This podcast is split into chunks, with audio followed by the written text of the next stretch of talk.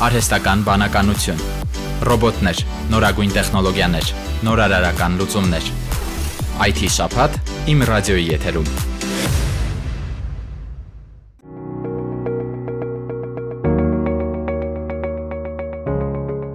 Վերջերս տարածվեց տեղեկություն, որ հայ լրագրողները, իրավապաշտպանները, ԱԳՆ ու ՄԱԿ-ի պաշտոնյաները Pegasus լրտեսական ծրագրի թիրախում են հայտնվել 2020 թվականի հոկտեմբերից 2022 թվականի դեկտեմբերն ընկած ժամանակահատվածում։ Այդ մասին նշվում է Amnesty International-ի հրապարակած զեկույցում։ Տեղեկատվական անվտանգության փորձագետ Սամվել Մարտիրոսյանի խոսքով Pegasus-ի դեպքում անձը չի կարող հասկանալ, որ իր հեռախոսը վարակվում է, այսինքն վարակվելն անխուսափելի է, Ներդրվում է զրոյական գործողություններ մարդու կողմից ինքը դրանով է վտանգավոր, այսինքն թե ձեզ վարակվեն, դուք ոչ մի բան չպետք է անեք, որ վարակ։ Հիմնականում վիրուսների մեծամասնությունը ենթադրում է, որ դուք ինչ-որ բան պետք է կտացնեք, ինչ-որ բան քաշեք եւ այլն։ Pegasus-ը այդ առումով շատ վատն է, որովհետեւ դուք չեք իմանում, որ ձեզ վարակեց ու դուք կարող եք շատ զգուշավոր լինել, բայց մեկը վարակ։ Ուրեմն, ինչպես է սա հայտնվում հերախոսի մեջ, մենք պետք է հասկանանք, որ անընդհատ կատարելագործվում է այս պահին, օրինակ, մենք չգիտենք ինքը ոնց է գործում հենց հենց հիմա։ Մեր գտածները անցյալ տարվանով եզրափակվում են, որից հետո Apple-ը դրա հիման վրա ստեղծել է թարմացում, փակել այն եղած ոնց որ ասած հնարավոր խոցելիությունները, բայց դա մրցավազ կա։ Դրանից հետո էլ Pegasus-ի ստեղծողները ինչ որ ենթադրում ենք, որ նոր բան են ստեղծել, հիմա պետք է նստենք, սպասենք, մինչև բռնվին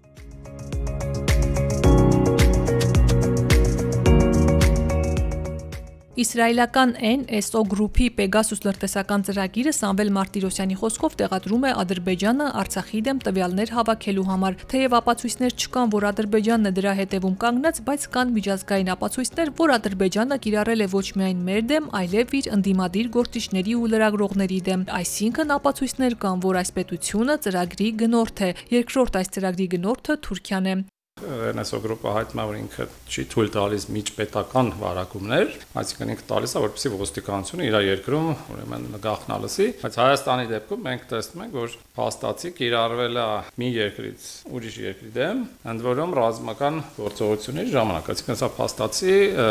զենքի կիրառումը, կիբեր զենքի կիրառումը մի երկրից մյուսի կողմից, ընդ որում այստեղ շատ կարևոր բան էլ նշեմ։ Չնայած որ NSO գրուպը մասնավոր կազմակերպություն է, բայց իր արտադրանքը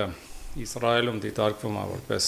ռազմարտունաբերության ոլորտի երևույթ եւ հաստատի պետությունը պետք է թույլտվություն տա վաճառքի։ Այնպես որ քանի որ ոչ միայն մենք որ կարող ենք կողմնակալ դիտվել Հայաստանում փորձագետներ, այլ նաև միջազգային հետաքննության մաս կազմող մի շարք կազմակերպությունների փորձագետներ համարում են, որ Pegasus-ի վարակումները Ադրբեջանից են եղել Հայաստան,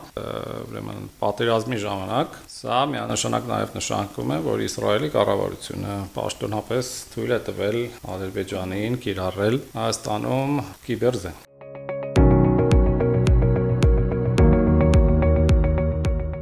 NSO Group-ի Pegasus ընկերությունը հավաստիացնում է, որ համագործակցում է միայն կառավարությունների հետ եւ արտադրանքը չի վաճառում մասնավոր անձանց կամ ընկերություններին։ Pegasus-ը հետևում է վարակված հեռախոսի ամեն մի գործողությանը։ Ծրագիրը հասանելիություն ունի վարակված հեռախոսի միկրոֆոնին եւ տեսախցիկին։ Հեռախոսը դարձնելով ձայնագրող սարք։ Զեկույցում նշվում է, որ հավաքված տվյալները ցույց են տալիս, որ շատ երկրների կառավարություններ օգտագործում են իսրայելական այս ընկերության ստեղծած լրտեսական ծրագիրը, որբիզի հաջող հաճախորդները չզրկվեն ծրագրի հասանելիությունից, աշխատակիցները մշտապես թարմացնում են այն, առաջ անցնելով Apple-ից ու Google-ից, որոնք փորձում են շտկել իրենց սարքերի ու ծրագրերի խոցելի կետերը։